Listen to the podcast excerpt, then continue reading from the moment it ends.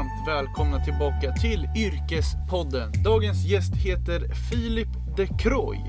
Han är tanatologen som inriktar sig på etik och tanatologi. Det vill säga läran om döden. Och som fått människor från alla delar av samhället att reflektera kring livets slut. Döden är något vi alla vet om men inte alls pratar om så mycket i samhället har jag märkt. Därför är det häftigt att få prata med Sveriges enda expert på just döden. Filip är även aktuell med sin nya bok, Boken för dig som en dag ska dö. Jag själv har ju en massa frågor kring det här ämnet. Exempelvis, vad händer efter döden? Vilken religion har Filip mest kunskap om? Är han själv religiös? Ja, Filip svarar ju såklart på alla mina frågor. Och har ni inte tryckt på följknappen på Spotify än, då är det dags att göra det nu så inte ni missar några avsnitt. Dela gärna Yrkespodden i dina sociala medier. Nu kör vi!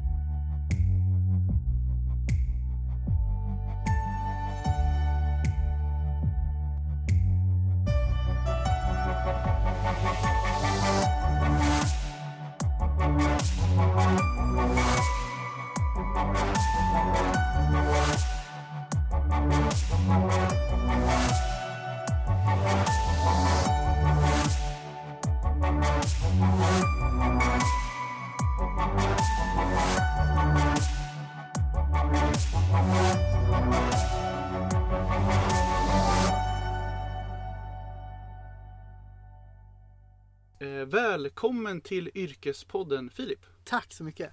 Hur är läget? Det är bra. Det är, jag har just eh, hämtat första exet av boken. Oj, Mycket, mycket, mycket spexigt. Spännande. Mycket, mycket konstig känsla att ha den i, ah, i handen. jag ser. Vi ska ju faktiskt gå in lite på din bok eh, eh, under den här podden. Men jag tänkte egentligen fråga dig, hur rullar livet just nu? Vad händer? Just nu ägnar jag mig, eh, sen ett antal år nu så ägnar jag mig åt mina hobbys. Att skriva och att berätta om eh, oftast religion i allmänhet, etik och död i synnerhet. Eh, och det är ju fantastiskt. Det är ju väldigt eh, ovanligt att man kan eh, leva på sina hobbys, som det brukar heta. Mm. Eh, och det känns väldigt lyxigt. Just nu är det ännu lyxigare för nu är det mycket sådana här spännande samtal. Poddar och eh, tv-radio, eh, intervjuer och boksigneringar och samtal inbokade. Så det är intensivt men kul. Mm, kul. Jag tänkte att vi skulle börja lite med en faktaruta här för att eh, få lyssnarna att känna, lära känna dig lite bättre. Mhm. Så egentligen så säljer jag bara ett påstående så får du svara på vissa frågor om du vill. Spännande. Ja, vi börjar med i alla fall fullständigt namn. Carl Philip Kiritan Nikolaj Dukroy, Eh, ålder, 36. familj, Eh, gift. Eh, utbildning, Jag är teolog eh, inriktad på systematisk teologi, alltså i mitt fall framförallt etik. Och sen har jag riktat in det då på tanatologi, läran om döden. lön. Det är den som Just alla... det, just det, den alla vill veta såklart. Det är varierande. Eh, därför att det beror lite på hur mycket föredrag man gör, hur mycket eh, böcker som säljs, hur mycket media man medverkar i och så vidare.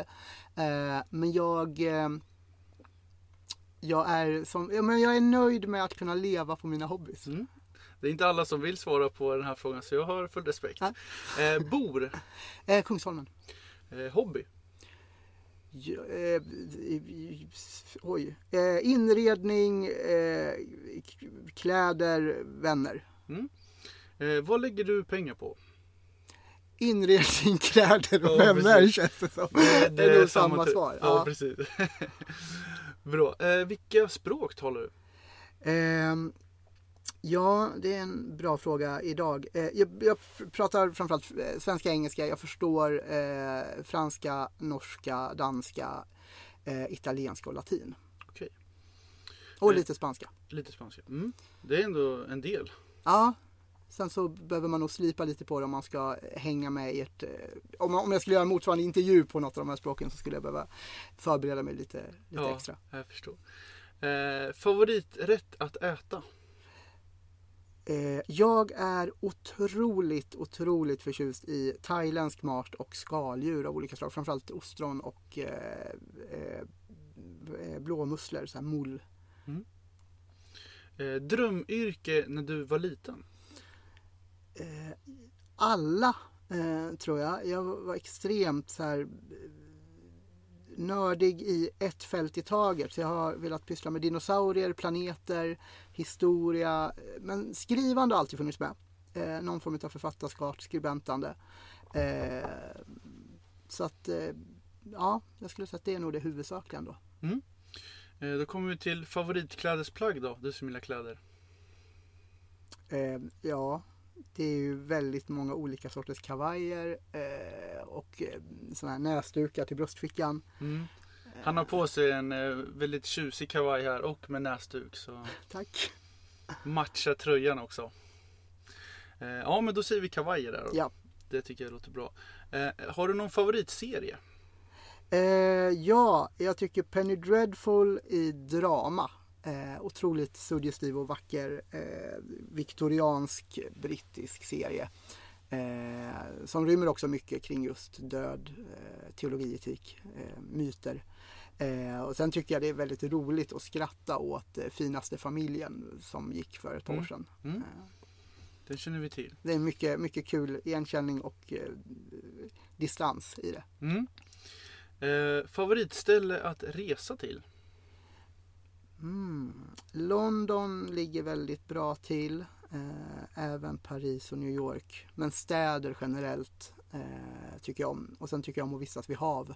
Mm. Eh, så både franska och italienska rivieran med kustband och bara still, stillhet är, är, nice. Mm, härligt. Eh, favoritbok?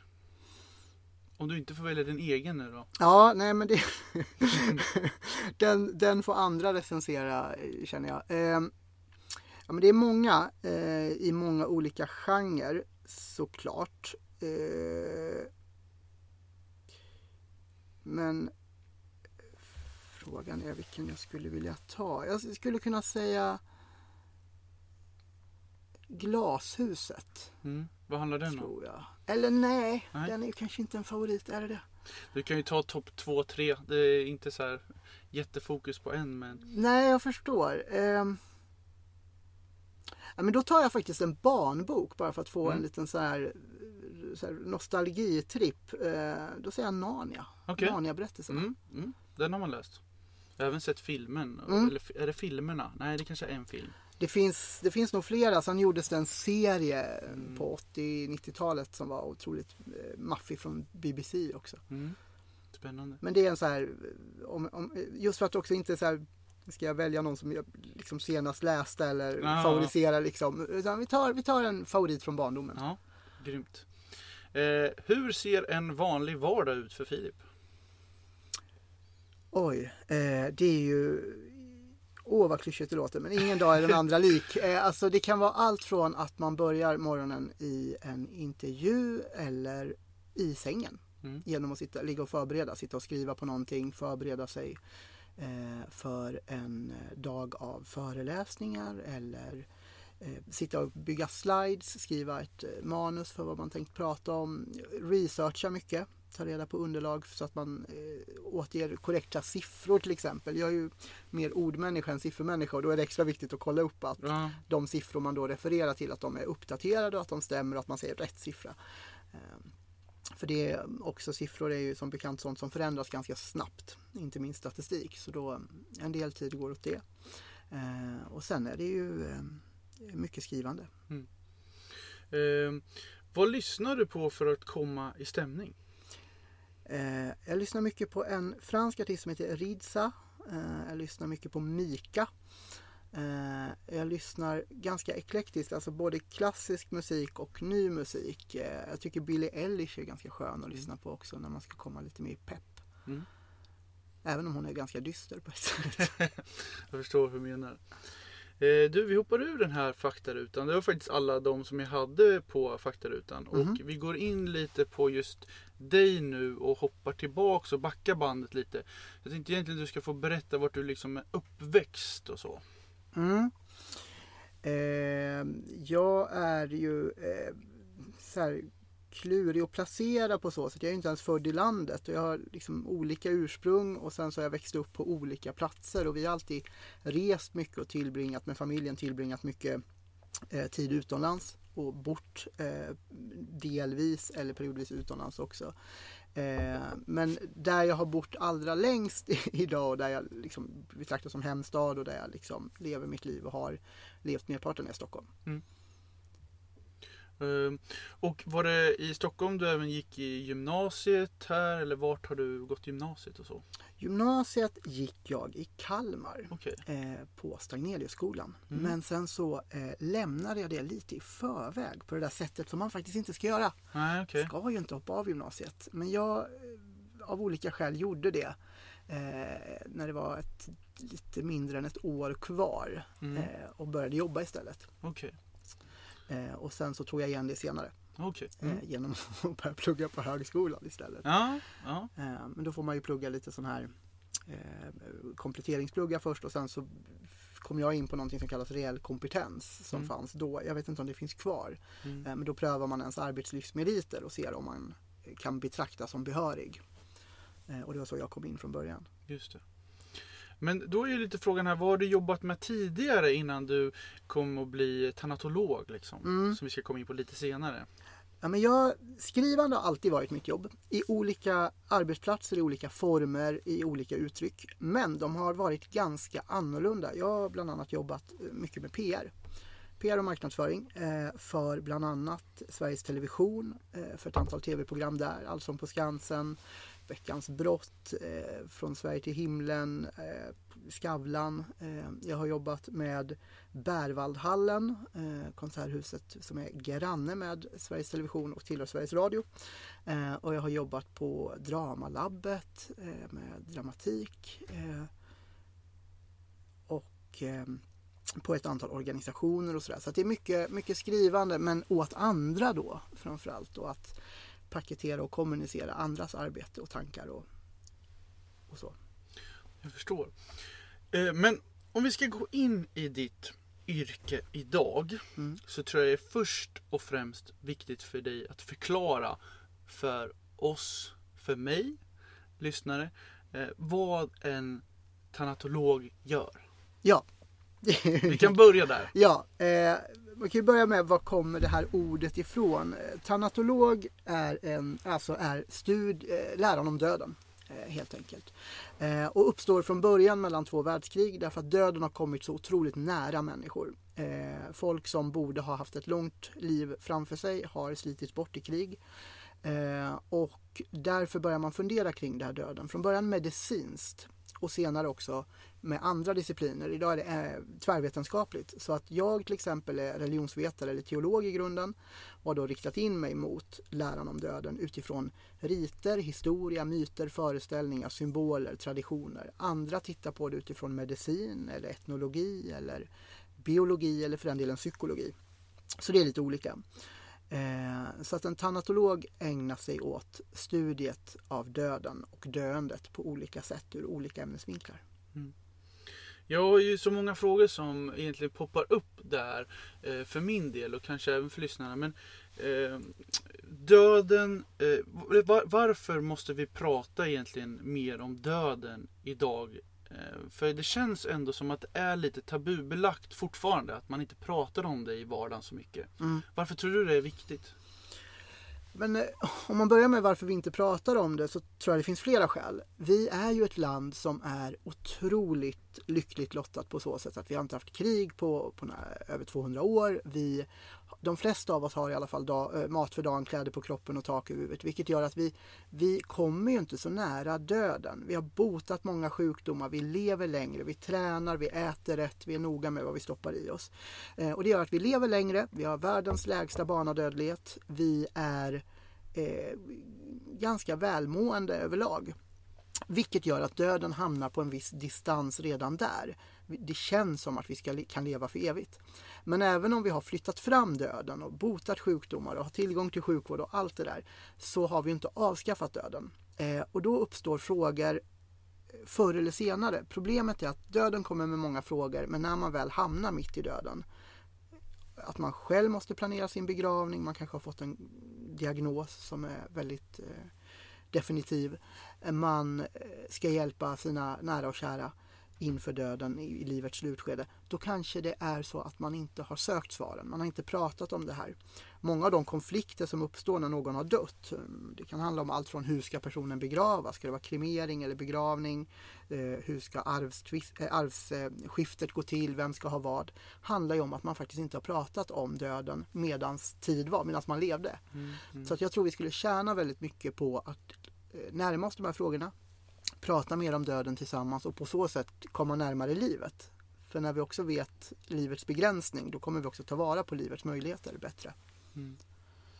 Bra, intressant.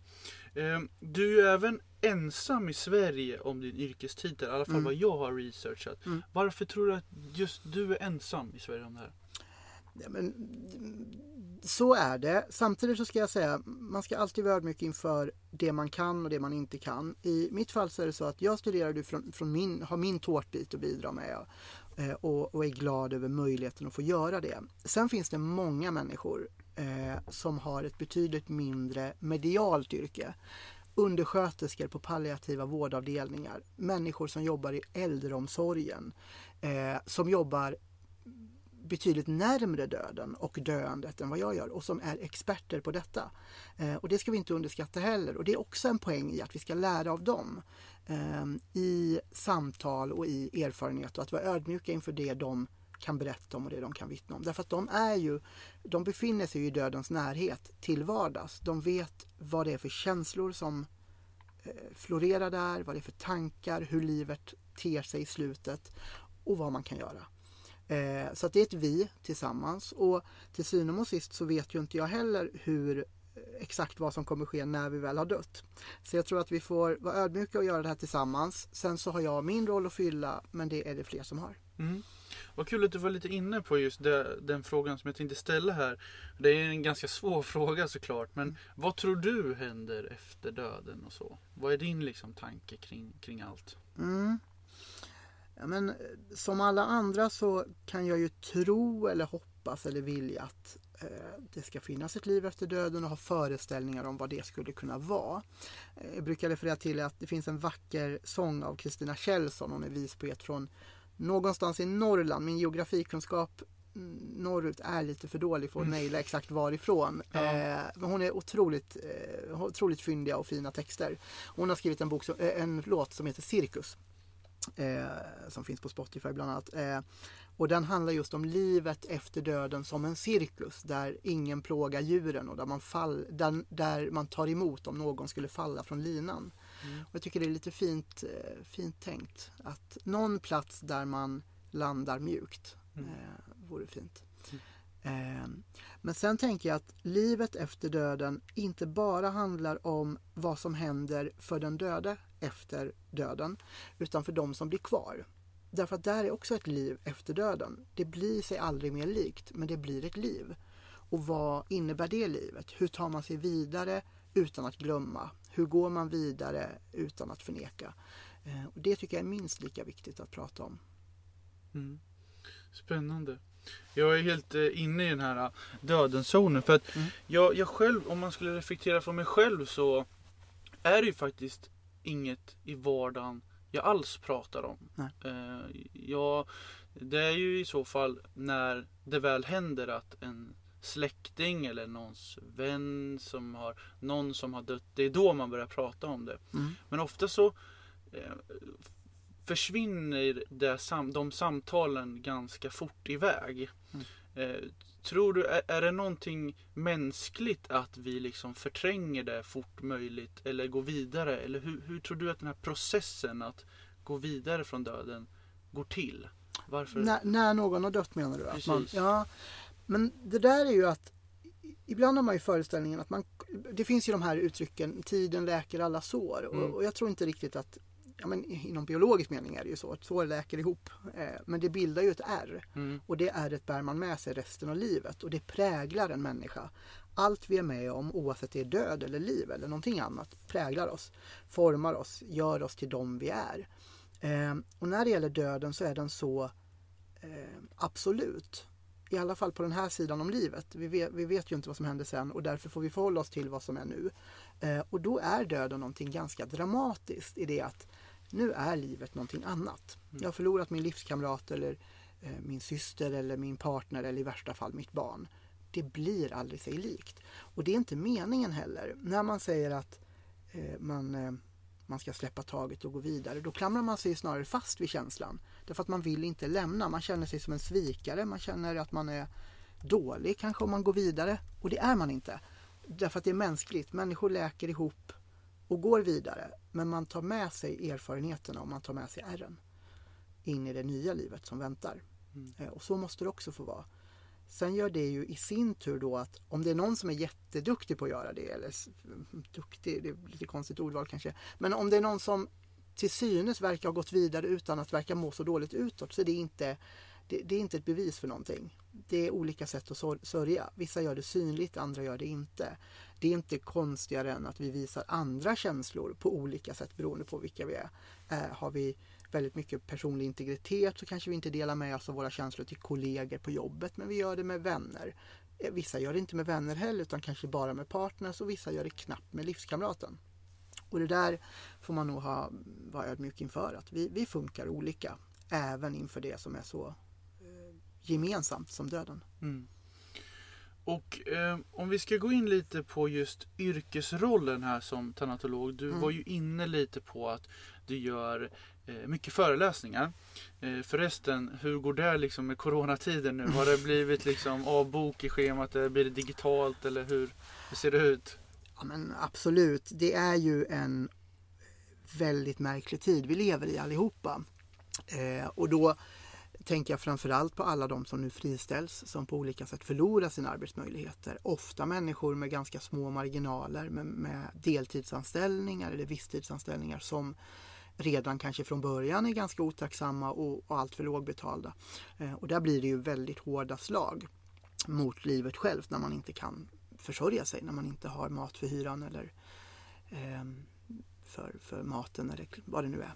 Eh, I mitt fall så är det såklart så att det påverkar i form av att eh, antalet föredrag har dragits ner till förmån, för, dels i antal får man ju säga, alltså numerärt, alltså det blir färre. Eh, några har ställts på, men de som bokar mig är snälla och vänliga människor. De flyttar fram det, de digitaliserar det eller gör det på ett annat sätt, kanske med ett färre antal människor. Mm. Så dels är det ju antalet bokningar, dels är det ju antalet gäster som kommer. Mm. Och det är två olika sätt. Jag eh, för en tid sedan så var jag, Ann-Marie Palm och Jonas Gardell på Oscarsteaterns scen. Mm. Eh, och det är ju en teater som Idol har ju sina auditions där. Mm, det. Och det brukar ju vara 800 platser, eller det är 800 platser. Och för mig är det inte en det är inte en jobbig känsla därför att jag sparrade mot eh, Magnus som var programledare för det programmet och satt och pratade med honom.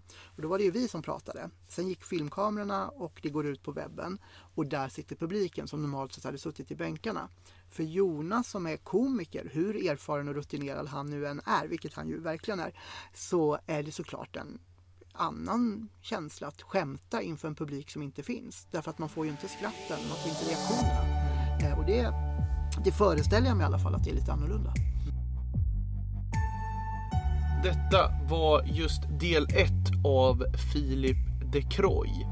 Nästa avsnitt kommer ut om exakt två veckor och se till att dela podden eller berätta för en vän kanske om Yrkespodden. Vi hörs i nästa avsnitt.